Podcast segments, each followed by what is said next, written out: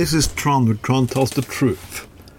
Let this be the year when we legalize cannabis everywhere. Yeah, now in New York City you can buy cannabis. That means the entertainment city of the United States will be more entertaining.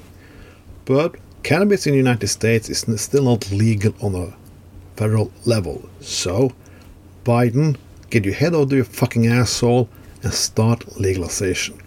Not only legalization, every people who've been earning money on cannabis from young entrepreneurs in neighborhoods should get free.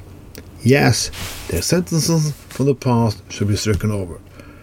But the United States is not the only country who needs this reform. Germany is now starting also legalization, and so Malta already done it.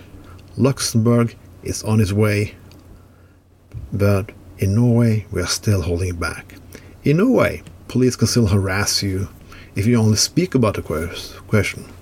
Yes, there have been cases where police officers go home to people because they've been loud in the media.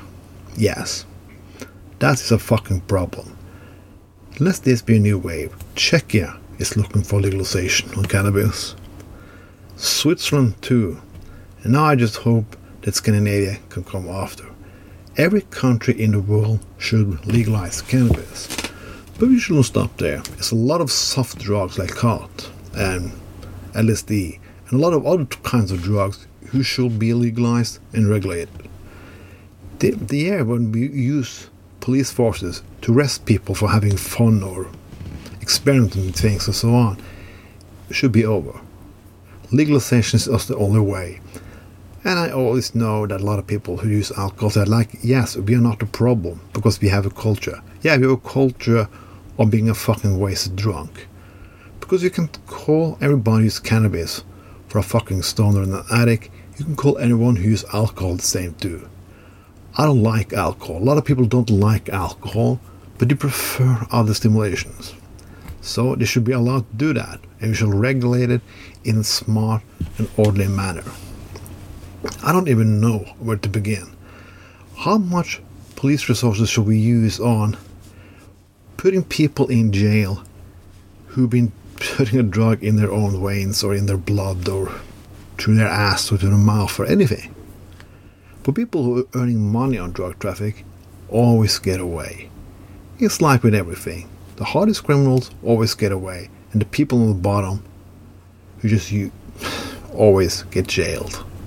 Yeah, or shot or killed. I'd rather have a good system where people can get the drugs or substance they want in a regular good manner. People who get in trouble with it, have health problems, and issues, and so on, can get help. You know what we do with alcohol today. I hold this segment so many times, but I always hold it once a year because I always hope new politics shall get in order. When you vote, in every election there is, you should ask your candidate, are you for regulation or legalization of drugs? If he says no, he should not be elected. That come on every level, because I know you in the United States can vote for coroners and, and yeah, sheriffs and so on. Uh, so why not? Everyone who, a local to federal level in political system should get the same question. Are you for legalization regulation? If no, you should not be elected. That means every fucking party. Because before it used to be the left versus the right and libertarians against so on on this issue. But now you have people from both sides of the system uh, who says this is bullshit. So get rid of all the conservative people who think prisons and police are good for regulation this because they are not.